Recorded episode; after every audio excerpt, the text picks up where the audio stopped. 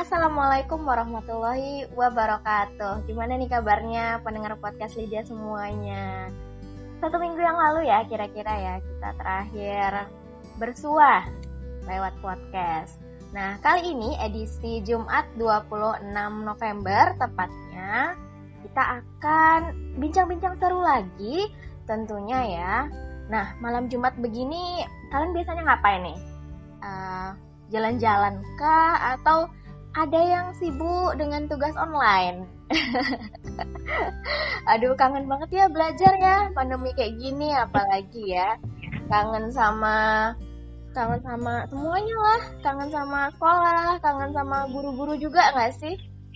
Nah, jadi untuk mengobati rindu kalian sama Bapak Ibu guru. Nah, pada malam hari ini kita hadirkan bintang tamu yang spesial kita undang jauh-jauh dari Tanah Putih. Uh, silahkan Pak masuk Pak, Pak Guru.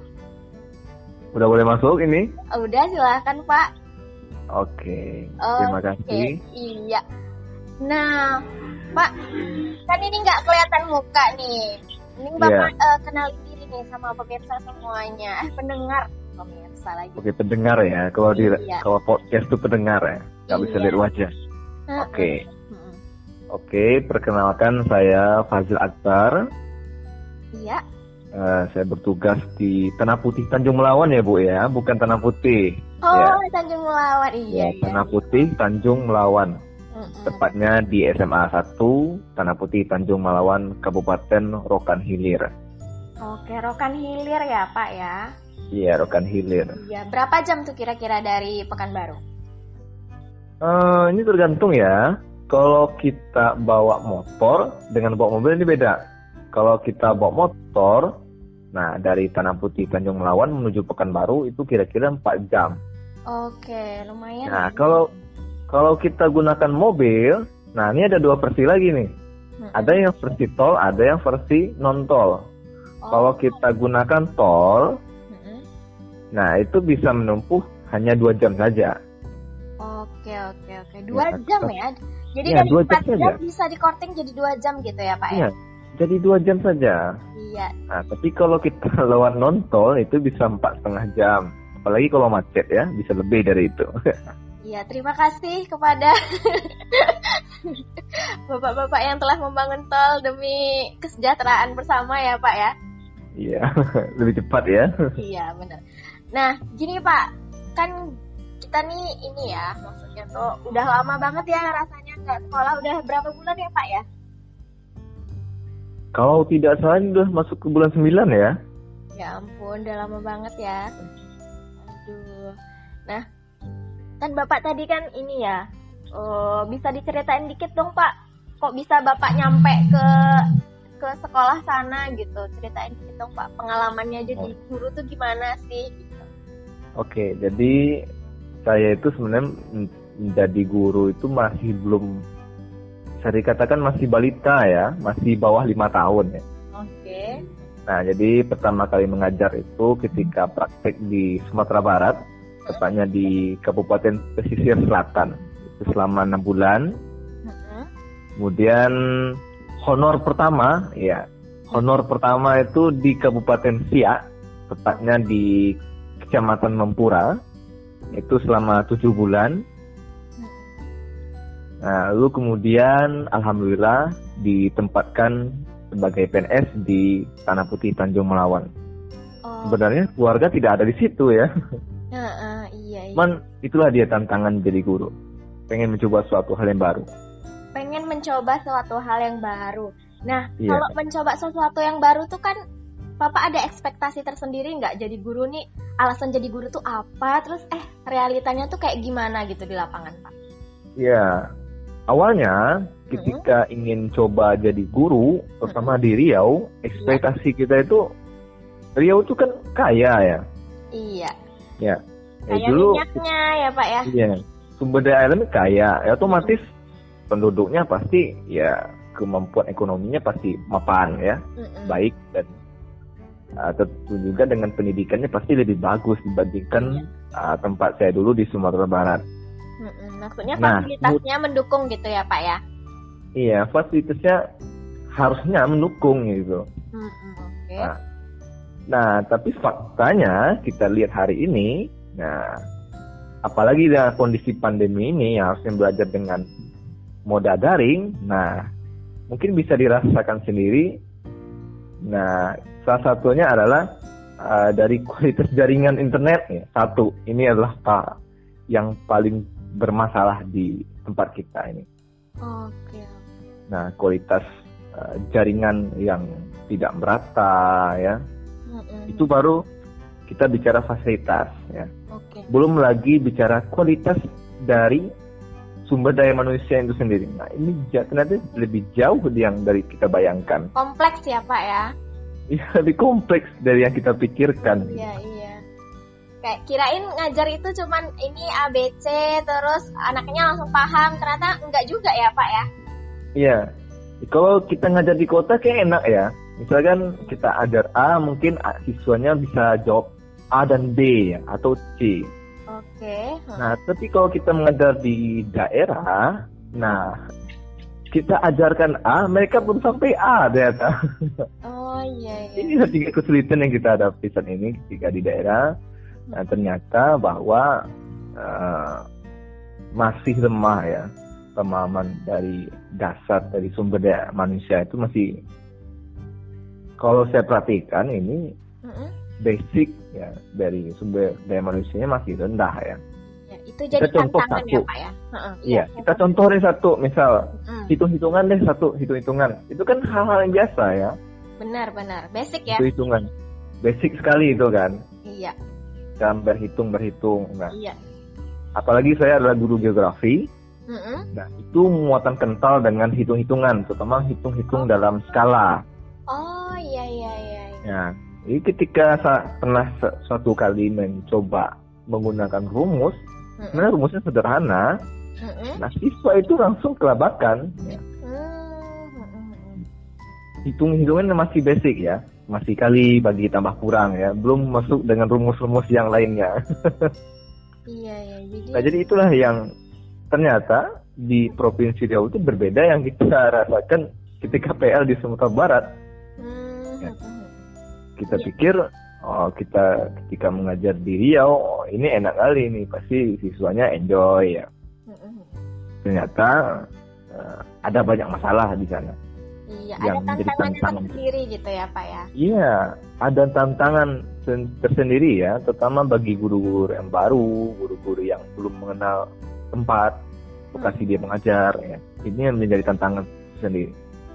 Iya benar-benar. Jadi sebenarnya kadang ketemu juga siswa yang eh, kalau biasanya kan kita ngajar sama orang yang mau juga diajar gitu ya Pak ya. Iya. Nah, kalau ini ketemu kita mau ngajar anaknya nggak mau diajar kadang. Iya.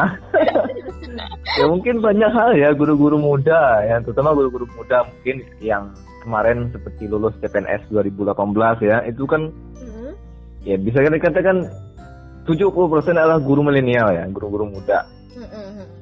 Nah, ya saya kira masalah kita sama semua ya. Kita menghadapi siswa yang motivasi bahkan tidak ada untuk belajar. Benar. ya, benar. dengan berbagai masalahnya. Iya, iya. Bicara dengan bicara tentang guru milenial tadi nih ya, Pak. Tadi sempat disebutkan. Nah, Iya. itu kalau misalnya guru-guru kita yang eh, maaf sudah ini ya, sudah berumur gitu kan. Itu kan biasanya metodenya tuh kontempor apa ya? Maksudnya tuh konservatif lah gitu kan. Tapi kalau guru-guru milenial ini pendekatannya tuh kayak gimana, Pak? Apakah ada perbedaan dengan guru-guru yang lama gitu atau gimana? Ya, jadi kan kalau kita telusuri ya, guru milenial ini sebenarnya kan adalah ciri khasnya adalah satu dia menguasai IT ya. Mm-mm. Ya, guru milenial itu menguasai IT ya, mulai dari mahir memainkan eh, laptop, Oke. lalu juga aktif dengan HP-nya, smartphone-nya ya. Hmm. Eh, berwawasan tinggi tentang informasi-informasi dari luar ya. Iya. Nah, kalau kita lihat dengan guru-guru yang yang ya yang lebih senior dari kita, Mm-mm. ya tantangannya adalah memang satu yang pertama tadi penguasaan IT-nya, nah ini belum sampai ternyata. pengurusan pengurusan IT dari guru-guru. Nah, kebetulan saya juga adalah wakil kepala sekolah bidang kurikulum. Nah, setelah ditelusuri, ternyata memang masalah guru adalah penguasaan IT-nya memang bermasalah. Ya. Dan juga pengalaman ketika menjadi pendamping guru program zonasi Kemdikbud tahun 2019 ya. itu juga pernah menjadi pendamping bagi guru-guru di sekolah Imbas lima hmm. sekolah di sekitar sekolah. Hmm. dan masalahnya juga sama. Pengguna IT dari guru-guru ini masih ya bisa dikatakan ya bagaimana mau ngajar siswa sedangkan kita yang guru saja masih tertinggal ternyata? Oke oke. Jadi sebenarnya emang harus up to date. Dan inilah mungkin keuntungan jadi guru milenial ini tadi ya pak ya? Ya guru milenialnya berat juga tugasnya. Oh, apa? Satu dia mengajarkan siswa, mengedukasi siswa. Hmm. Satu lagi dia mengimbaskan kepada guru yang senior. Nah, hmm, jadi berdampak mungkin, ke bawah dan ke atas gitu nggak sih? Iya. Okay. Jadi mungkin bagi guru-guru ya guru-guru milenial ya kita kalau bisa kita bergerak selain mengajarkan mengedukasi siswa tentang uh, yang seperti yang dicanangkan pemerintah ya revolusi 4.0 oke nah kita juga harus bantu juga uh, rekan-rekan sejawat kita yang senior itu agar mereka juga ikut terlibat dalam mendukung program tersebut nah mm-hmm. caranya banyak hal ya seperti tutor sebaya ya yeah. uh, atau mungkin berinisiatif uh, membuat semacam uh, apa workshop di sekolah. Nah, oh, iya. saya kira itu pasti akan didukung oleh sekolah ya. Mm -hmm. Tapi syaratnya saya rasa satu tuh pak. Ya. Nggak boleh gengsi. ah itu dia. Ah, jadi satu permasalahan yang jadi masalah ya yang saya temui adalah guru-guru kita ini gengsi ya mm -hmm. merasa sudah mahir ya sudah Pengalaman merasa lebih gitu ya, senior ya, sudah merasa lebih senior Nah, karena sudah merasa lebih senior, jadi merasa ya masa belajar sama yang junior. Nah, ini dia. Ini yang mungkin saya kira kita harus uh, coba buka diri ya. Sebagai guru nih kita nggak boleh merasa puas ya. Kita harus tetap belajar dan terus belajar karena perkembangan pengetahuan, perkembangan teknologi itu selalu berkembang. Betul. Ya, kita contoh deh kita misalnya saya dulu jadi siswa SMA tahun 2010 2011 iya itu penggunaan HP bisa dikatakan sangat jarang ya iya. siswanya Kalau... bisa dikatakan uh-uh. gunakan HP Nokia yang bisa dibanting-banting nah udah bagus banget tuh ya Pak ya kalau udah punya itu ya Iya itu dah itu udah seperti orang kaya kali itu. Iya. Kalau udah tenteng-tenteng HP Nokia yang yang iya. bisa dibanting-banting itu itu udah seperti orang kaya. Nah, sekarang tahun 2020, mm-hmm. HP smartphone harganya satu jutaan saja kita dianggap miskin. Hmm, ya padahal udah punya gitu ya Pak ya. Padahal udah punya, tapi masih dianggap kelas bawah gitu. Nah, mm-hmm. perbedaannya ya. Perbedaan zaman ya. Jadi memang kita sebagai guru ya harus coba upgrade diri kita ya meningkatkan kemampuan kita itu terutama dengan IT ya betul betul karena ibaratkan gelas kalau misalnya kita ngasih nih ke anak kan lama-lama gelasnya habis ya isinya gitu ya Pak harus diisi terus gitu ya. Iya. Oke. Okay. Nggak boleh kita cepat puas diri deh intinya. Mm-mm. Jadi apalagi jadi guru kan mestinya long life learner gitu ya Pak ya. Pembelajar gitu. Nah, ada satu hal lagi sih sebenarnya yang menjadi permasalahan kita. Nah, apa tuh Pak? Banyak guru di antara kita ini tidak mau menjadi teman yang baik bagi siswa. Nah, itu bisa dijelaskan sedikit nggak Pak? Nah, jadi siswa kita ini sebenarnya kalau seperti tatap muka ya, sebelum pandemi ini ada ya, mm-mm. siswa itu masuk pukul 7, pulangnya jam 4 sore. Bahkan di, kota besar pulangnya sampai jam 5 sore, bukan? Mm-mm. Nah, berarti dia kan lebih lama bersama kita. Nah, ya. harusnya kita menghadirkan diri kita ya bagaimana seperti orang tua mereka di rumah, gitu. bahkan lebih gitu ya. Iya. Di rumah bisa saja dia punya masalah. Ya. Siswa kita ini beragam jenis. Mm-mm. Ada mungkin yang mereka difasilitasi dengan baik. Ada yang keluarganya yang sangat peduli dengan dia. Tapi kalau diperhatikan selama saya pengalaman mengajar, Mm-mm. yang saya temui adalah siswa-siswa yang yang bisa dikatakan bermasalah di keluarganya. Hmm, iya iya. Ya. Selalu saja saya temui. Nah, ada yang siswanya broken home ya. Uh, orang tuanya cerai, lalu si anak uh, bermasalah. Mm-mm. Ada yang yatim piatu, tidak pernah dapat asuh orang tua sejak kecil. Mm-mm. Ada yang orang tuanya suka bekerja saja, sampai-sampai anaknya lupa makan anaknya bahkan dia lupa. Mm-mm. Nah ini kita sering kita temui. Nah jadi kita harus sebagai guru kita harus hadirkan ya, hadirkan diri kita sebagai teman curhat mereka. Sebenarnya nggak masalah ini yang kita nggak boleh gengsi pula sebagai teman mereka gitu. Apalagi ini guru milenial ya yang umurnya masih uh, belum terpaut jauh ya dengan siswa. Iya. Mm-mm. Nah, jadilah kita teman curhat bagi siswa gitu. Ya, kita harus terbuka. Ya. Tentu ada batasan ya antara guru dan siswa. Eh, batasan eh, apa hal yang dibicarakan. Iya, Nah, betul betul. tapi yang jelas adalah ketika kita mencoba menghadirkan diri kita dalam sis dalam apa dalam hati siswa Mm-mm. pasti siswa itu juga akan mau terbuka kepada diri kita gitu.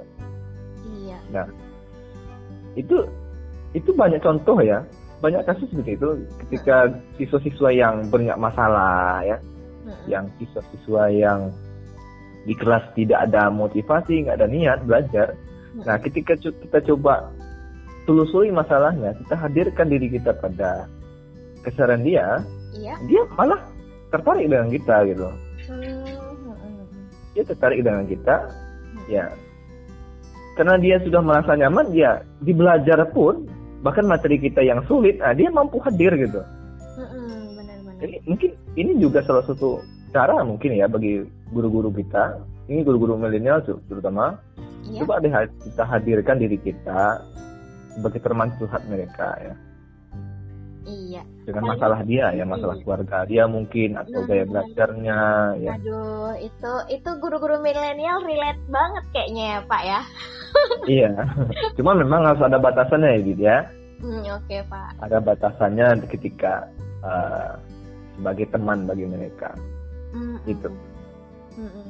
Jadi batasan antara kap, ap- yang kayaknya yang penting tuh timingnya ya, tahu kapan penempatannya jadi guru gimana, kapan jadi Iya. sahabat gimana gitu ya, Pak ya.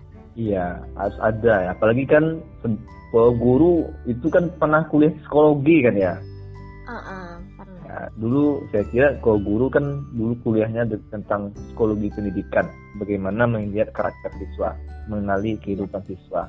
Nah, coba kita aktualisasikan, kita praktekkan bagaimana sih menekankan diri kita kepada siswa. Ya. Iya, iya. Itu jadi kayaknya kita juga akan belajar dari pengalaman-pengalaman ya, Pak ya. Iya, karena dari pengalaman-pengalaman itulah nanti kita menjadi hal muncul hal-hal baru ya. Mungkin di dalam uh, gaya kita mengajar ya. Dari Lydia juga menyinggung bagaimana guru yang monoton ya.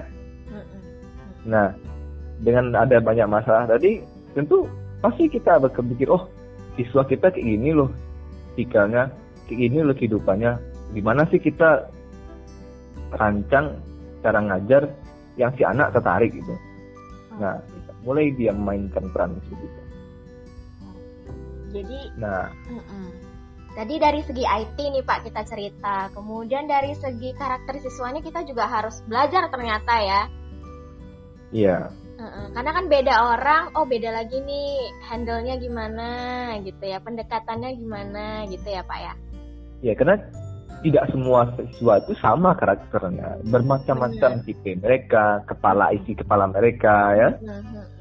keluarga mereka yang nauzubillah bermasalahnya mungkin dibandingkan kita ya. Iya. mm-mm.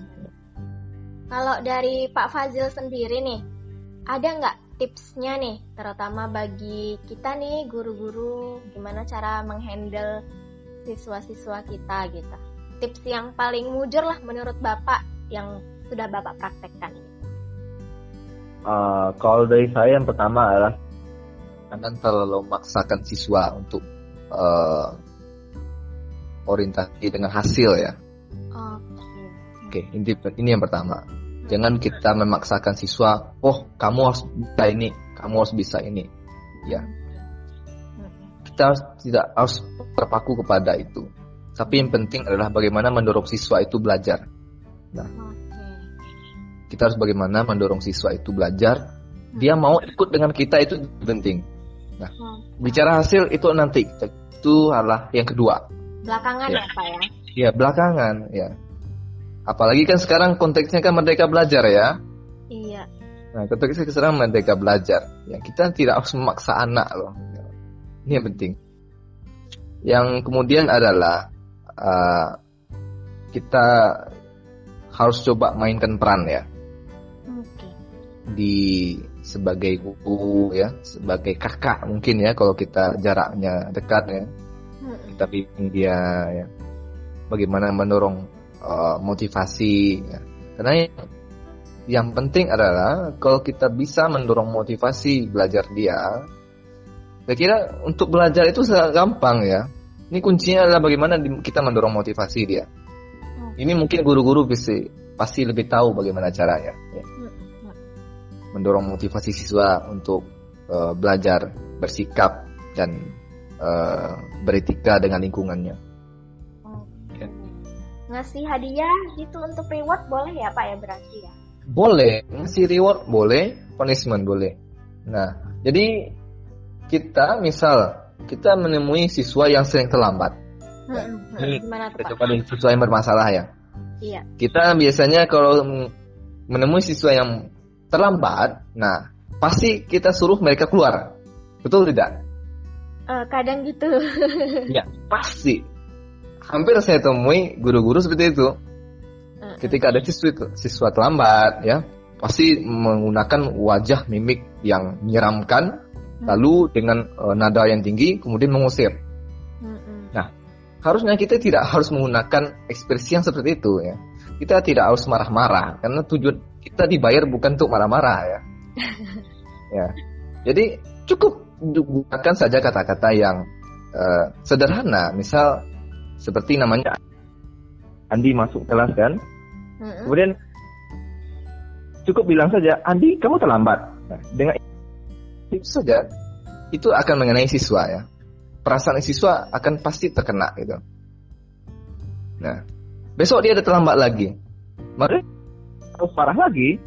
Kita cukup gunakan kata yang sama, tapi gunakan kata yang berbeda sedikit di ujungnya.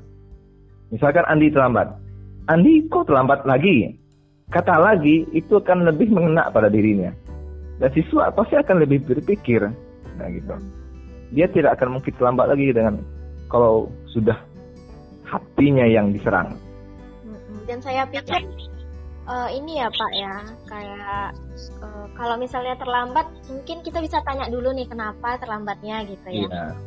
Ya, tapi kalau terkadang ya di anak zaman sekarang kalau ditanya alasan terlambatnya apa, dia punya seribu alasan ya dia. Oke.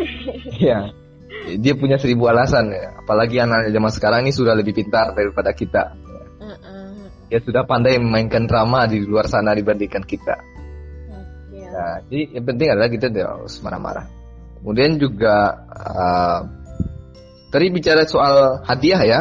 Iya. Nah, hadiah ya kita bisa memberikan sebuah penghargaan untuk mereka. Ya, misalkan kita gelar kuis ya. Uh, misal Nah, ini yang kuis kalau saya biasanya adalah kuis-kuis yang diberikan lebih kepada satu sikap dan kemudian kemudian adalah uh, gaya uh, dia menyampaikan sesuatu jadi hasil kerja kerasnya ya Pak ya, presentasinya yeah. atau apa gitu ya. Iya. Yeah. Oke, terakhir nih Pak, uh, apa sih doa dan harapan uh, Pak Fazil sendiri bagi guru-guru Indonesia? Oke, berat ya Rit ya, guru untuk Indonesia ya. Iya. Oke, uh, harapannya bagi guru Indonesia adalah kita sebagai uh, harus tetap sabar ya. Karena pekerjaan sebagai guru ini berat. Ya. Berat, mm benar. Sangat berat. Baru saya mengajar dua tahun, tiga tahun lebih, tapi sudah tetap beratnya. Ya, tanggung jawab kita sangat berat. Betul, betul. Nah, makanya dari sini adalah sebagai guru kita harus sabar, ya. Kita harus memainkan perasaan kita, kontrol diri kita lebih baik, jangan terlalu terlepas. Mm-hmm. Itu yang penting. Yang kedua adalah harapan uh, uh, terutama sebagai guru adalah kita uh, dapat dibekali lebih ya. Karena kalau saya lihat adalah guru-guru uh, kita ini memang kekurangannya adalah uh, pelatihan ya. Oh, iya. Ini harapan harapan bagi guru adalah terutama sebenarnya untuk pemerintah ya uh, agar digenjot bagaimana mengedukasikan guru-guru kita ya mengikuti perkembangan. Iya. Okay. Ya itu. Terima kasih banyak Pak Fazil atas sharingnya malam ini. Uh, okay. Insya Allah bermanfaat bagi pendengar ya Pak ya. Entah itu guru, okay. entah itu murid, entah itu wali murid. Jadi bisa lebih mengerti tugas guru gimana ya gitu ya. Iya. Karena pekerjaan guru nih luar biasa ya, apalagi di era pandemi saat ini. Iya, benar, nah, benar. Fitnah yang luar biasa banyak terjadi pada guru ya. Iya, berkali-kali lipat ininya ya, tanggung jawab, kemudian ininya ya, prosesnya dan segala macam. Iya. Baik, terima kasih Pak Fazil sudah berbagi, insya Allah bermanfaat dan juga sehat selalu juga bagi Pak Fazil dan tetap semangat ya bertugas. tetap semangat. iya.